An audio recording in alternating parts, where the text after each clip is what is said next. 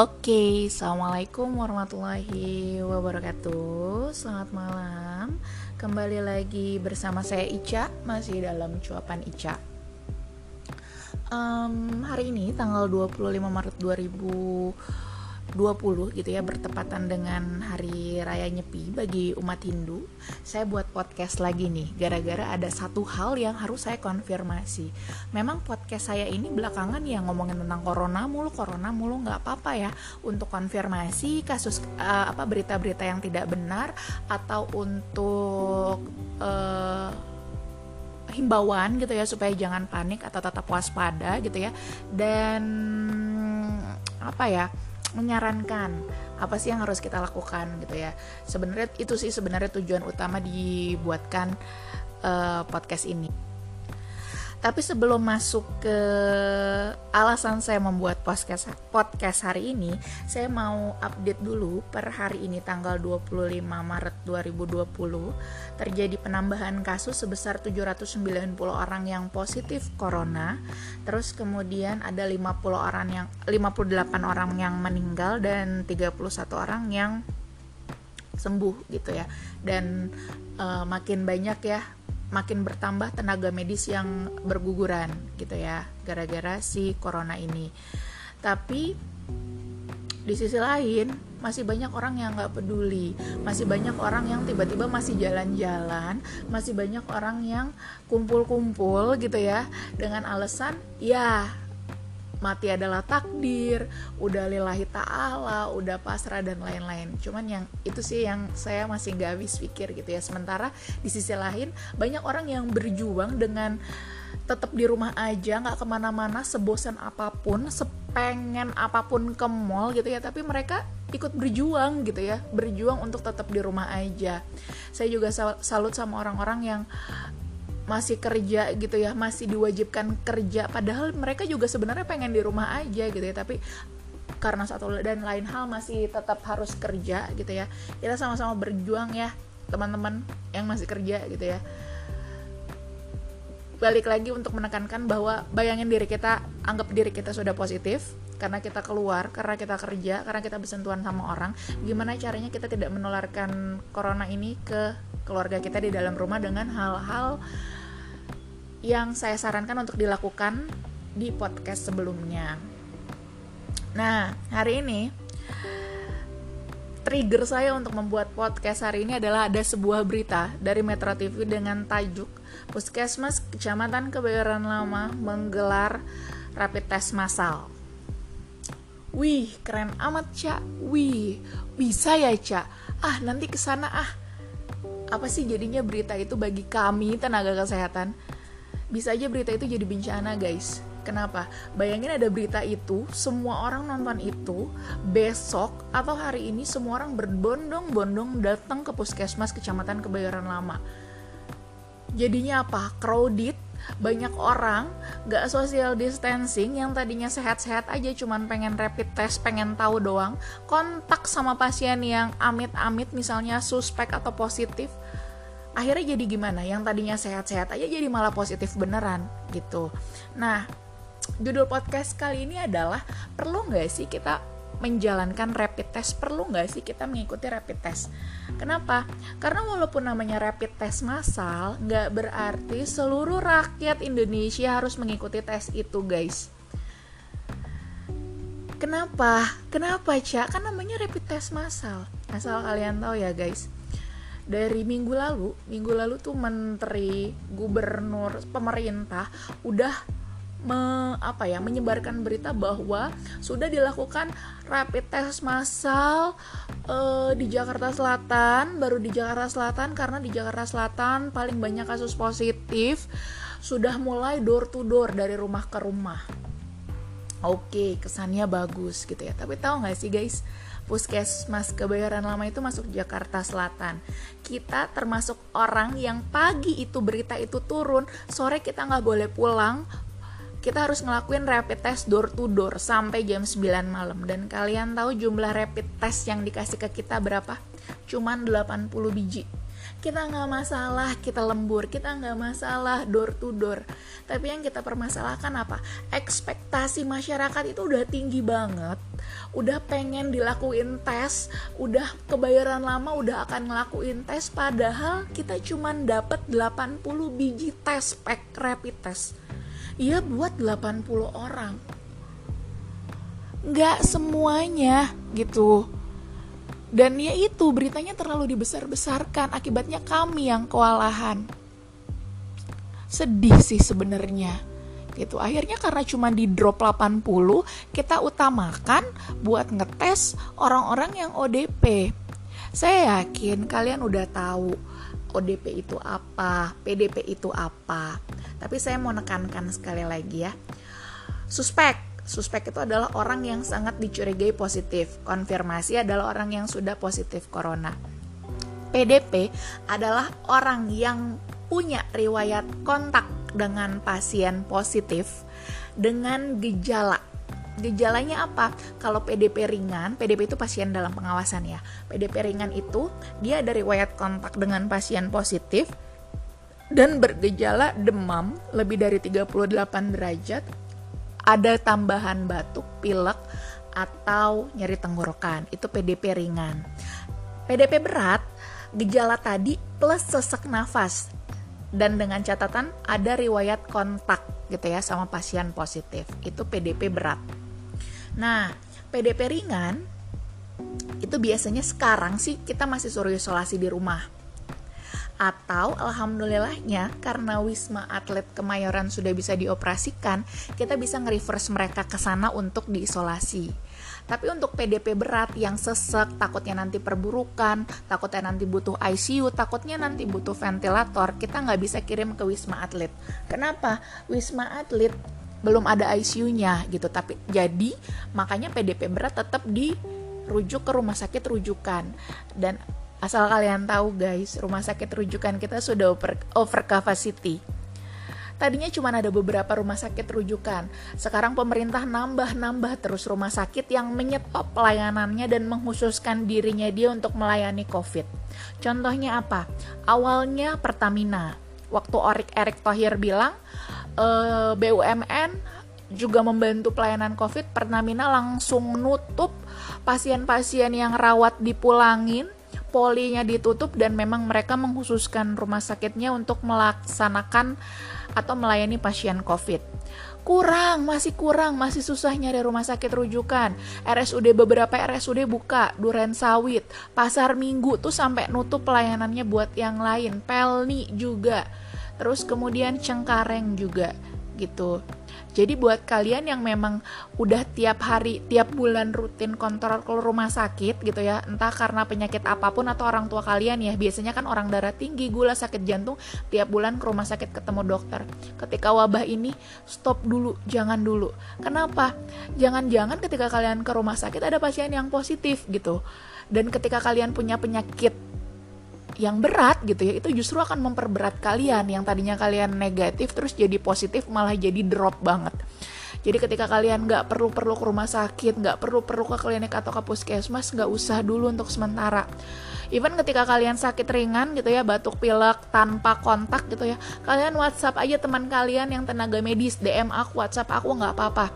Daripada nanti kalian ke klinik kalian ke rumah sakit kalian ke puskesmas kalian beresiko banget kontak sama pasien positif yang tadinya kalian nggak beresiko tiba-tiba kalian jadi pasien suspek gitu kan atau PDP kan serem banget gitu ya. Jadi ketika kalian nggak perlu-perlu banget ke fasilitas kesehatan untuk sementara ditunda dulu ya please guys itu PDP udah ada wisma atlet uh, satu lagi kriteria yaitu ODP. ODP itu adalah orang dalam pemantauan. Dengan kriteria apa? Satu, kontak dengan pasien positif tanpa gejala. Misalkan bapaknya ternyata positif corona, anak-anaknya kontak tiap hari tinggal serumah tapi nggak ada demam batuk pilek. Itu namanya ODP. Kalau udah ada gejala tadi udah masuk PDP. Atau orang yang nggak ada riwayat kontak tapi ada demam, batuk atau pilek atau nyeri tenggorokan plus sesak nafas, itu kita bilang ODP. Atau um, orang yang kontak sama orang yang habis dari luar negeri gitu ya. Atau dianya sendiri dari luar negeri kemudian ada gejala demam. Pasti ada demam ya guys. Demamnya tinggi lebih dari 38 plus batuk pilek atau nyeri tenggorokan gitu. Itu namanya kriteria ODP nah pemeriksaan corona itu ada dua guys. Satu rapid test. Satu lagi pemeriksaan swab. Apa bedanya? Kalau pemeriksaan swab itu eh, dahak kalian di tenggorokan diambil gitu ya diambil terus kemudian dibawa ke laboratorium untuk dilihat ada nggak sih virus coronanya? Gitu itu namanya pemeriksaan swab. Ada lagi pemeriksaan rapid. Pemeriksaan rapid ini bukan lihat ada nggak sih virus corona, tapi pemeriksaan rapid ini digunakan untuk melihat ada nggak sih antibodi terhadap virus corona ini. Maksudnya gimana tuh Cak? Ketika kita terinfeksi virus gitu ya, ketika kita terinfeksi, selama beberapa hari beberapa hari kemudian badan kita akan ngebentuk antibodi. Antibodi supaya nanti berikut-berikutnya ketika kita terinfeksi lagi, antibodi kita udah kenal virusnya, terus akhirnya dia nyerang virusnya. Antibodi itu spesifik terhadap virus tertentu. Gitu. Nah, si rapid test ini ceknya cek darah buat lihat apakah badan kita udah punya antibodi untuk virus itu. Makanya ketika kalian baru demam sehari nggak bisa di rapid test, apalagi ketika kalian sehat. Kenapa? Ya barangkali antibodinya belum terbentuk atau emang nggak ada antibodi yang terbentuk gitu. Makanya rapid test itu ketika di dicek negatif tujuh hari kemudian harus cek lagi ketika emang negatif oke okay, berarti kalian nggak corona gitu ya tapi ketika kalian positif itu pun harus dikonfirmasi dengan menggunakan swab gitu. Jadi rapid test itu bukan untuk mendiagnosis, cuman untuk nge-screening. Nah, masalahnya apakah seluruh rakyat Indonesia harus mengikuti rapid test? Enggak, guys.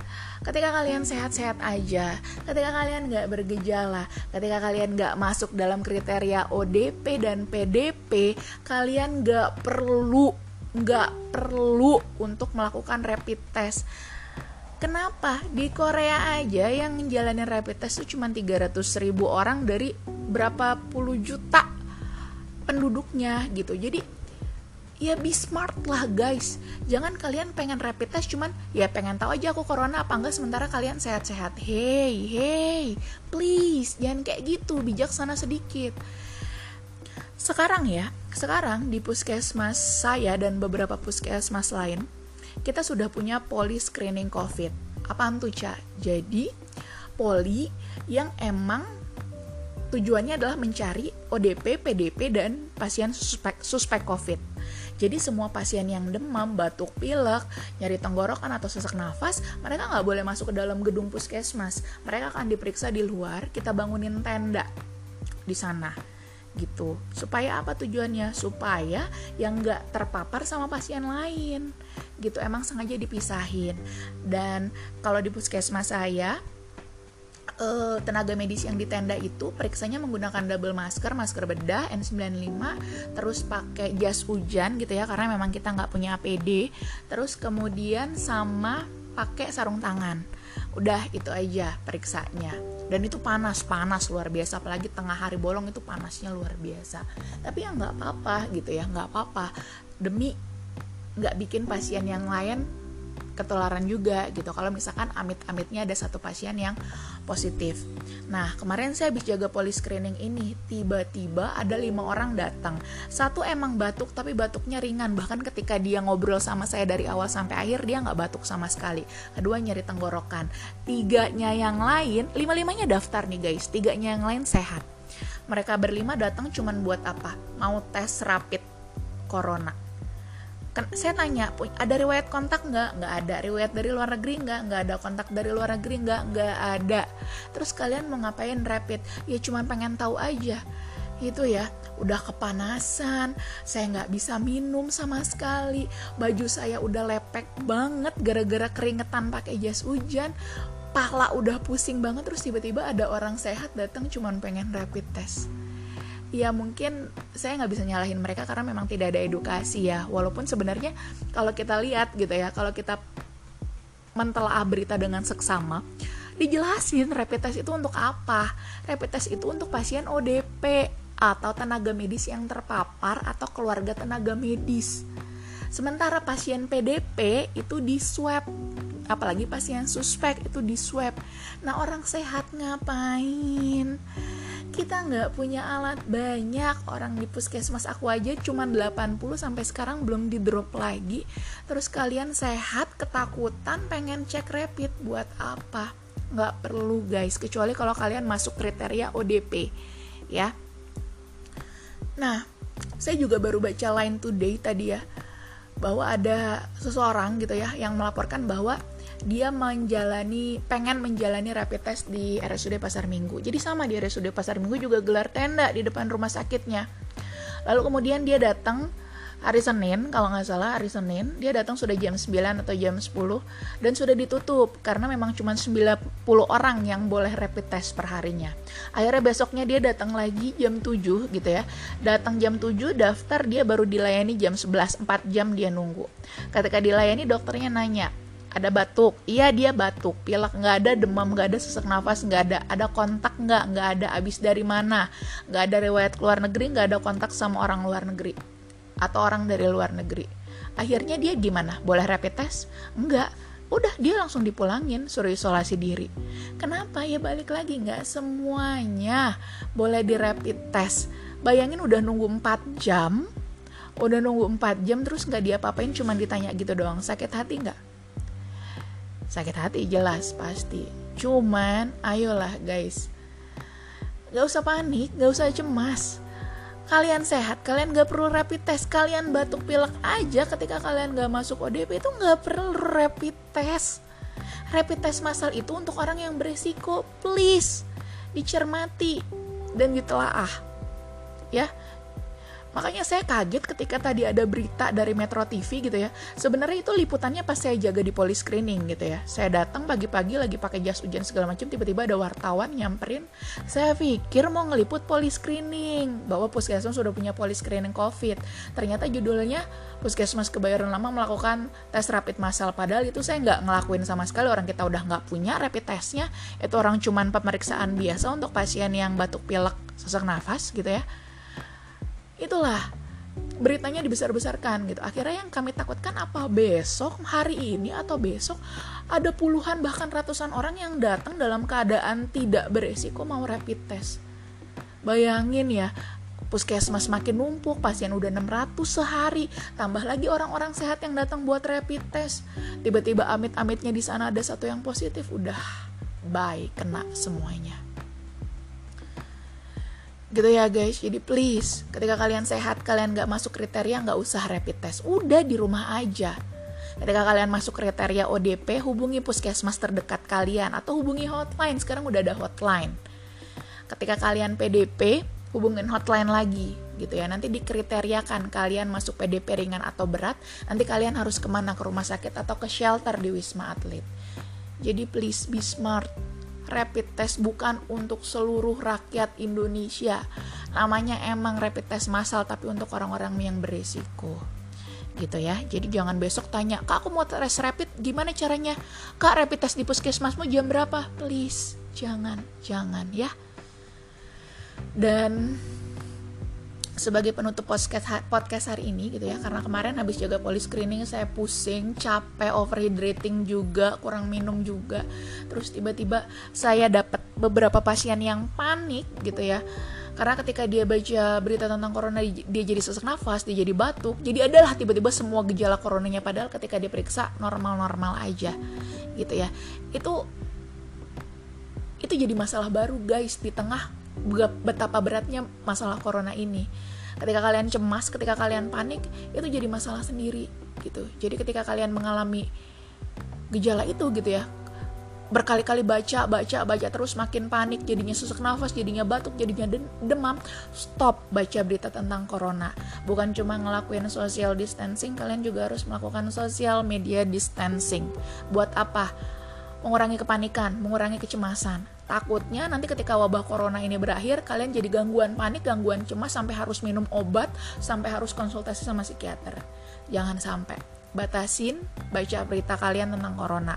Batasin baca berita, baca-baca hal yang bikin kalian panik. Ketika di, lagi nge-scroll sosial media ada tentang corona, udah dilanjutin aja. Baca aja yang bikin senang, baca aja yang bikin ketawa gitu ya. Itu juga yang saya lakukan. Gitu ya ini bukan akhir guys. Ini bukan akhir dari corona. Mungkin ini baru awal perjuangan kita menghadapi corona. Entah sampai berapa lama lagi. Cuman ayo sama-sama kita berdoa. Semoga sebelum Ramadan ya. Ramadan itu 30 hari lagi. Semoga sebelum Ramadan wabahnya selesai biar apa? Biar kita bisa ibadah dengan hikmat lagi. Biar masjid-masjid penuh lagi. Kita bisa sahur buka bareng sholat taraweh berjamaah. Kita bisa sholat id bareng-bareng di lapangan dalam keadaan sudah selesai. Sudah selesai menjalani masa-masa karantina virus corona ini. Yuk berdoa sama-sama ya guys. Oke sekian deh podcast dari saya. Semoga bermanfaat. Uh, kalau ada yang ditanya boleh nanti DM boleh nanti WhatsApp Sekian, sampai ketemu di podcast berikutnya. Assalamualaikum warahmatullahi wabarakatuh.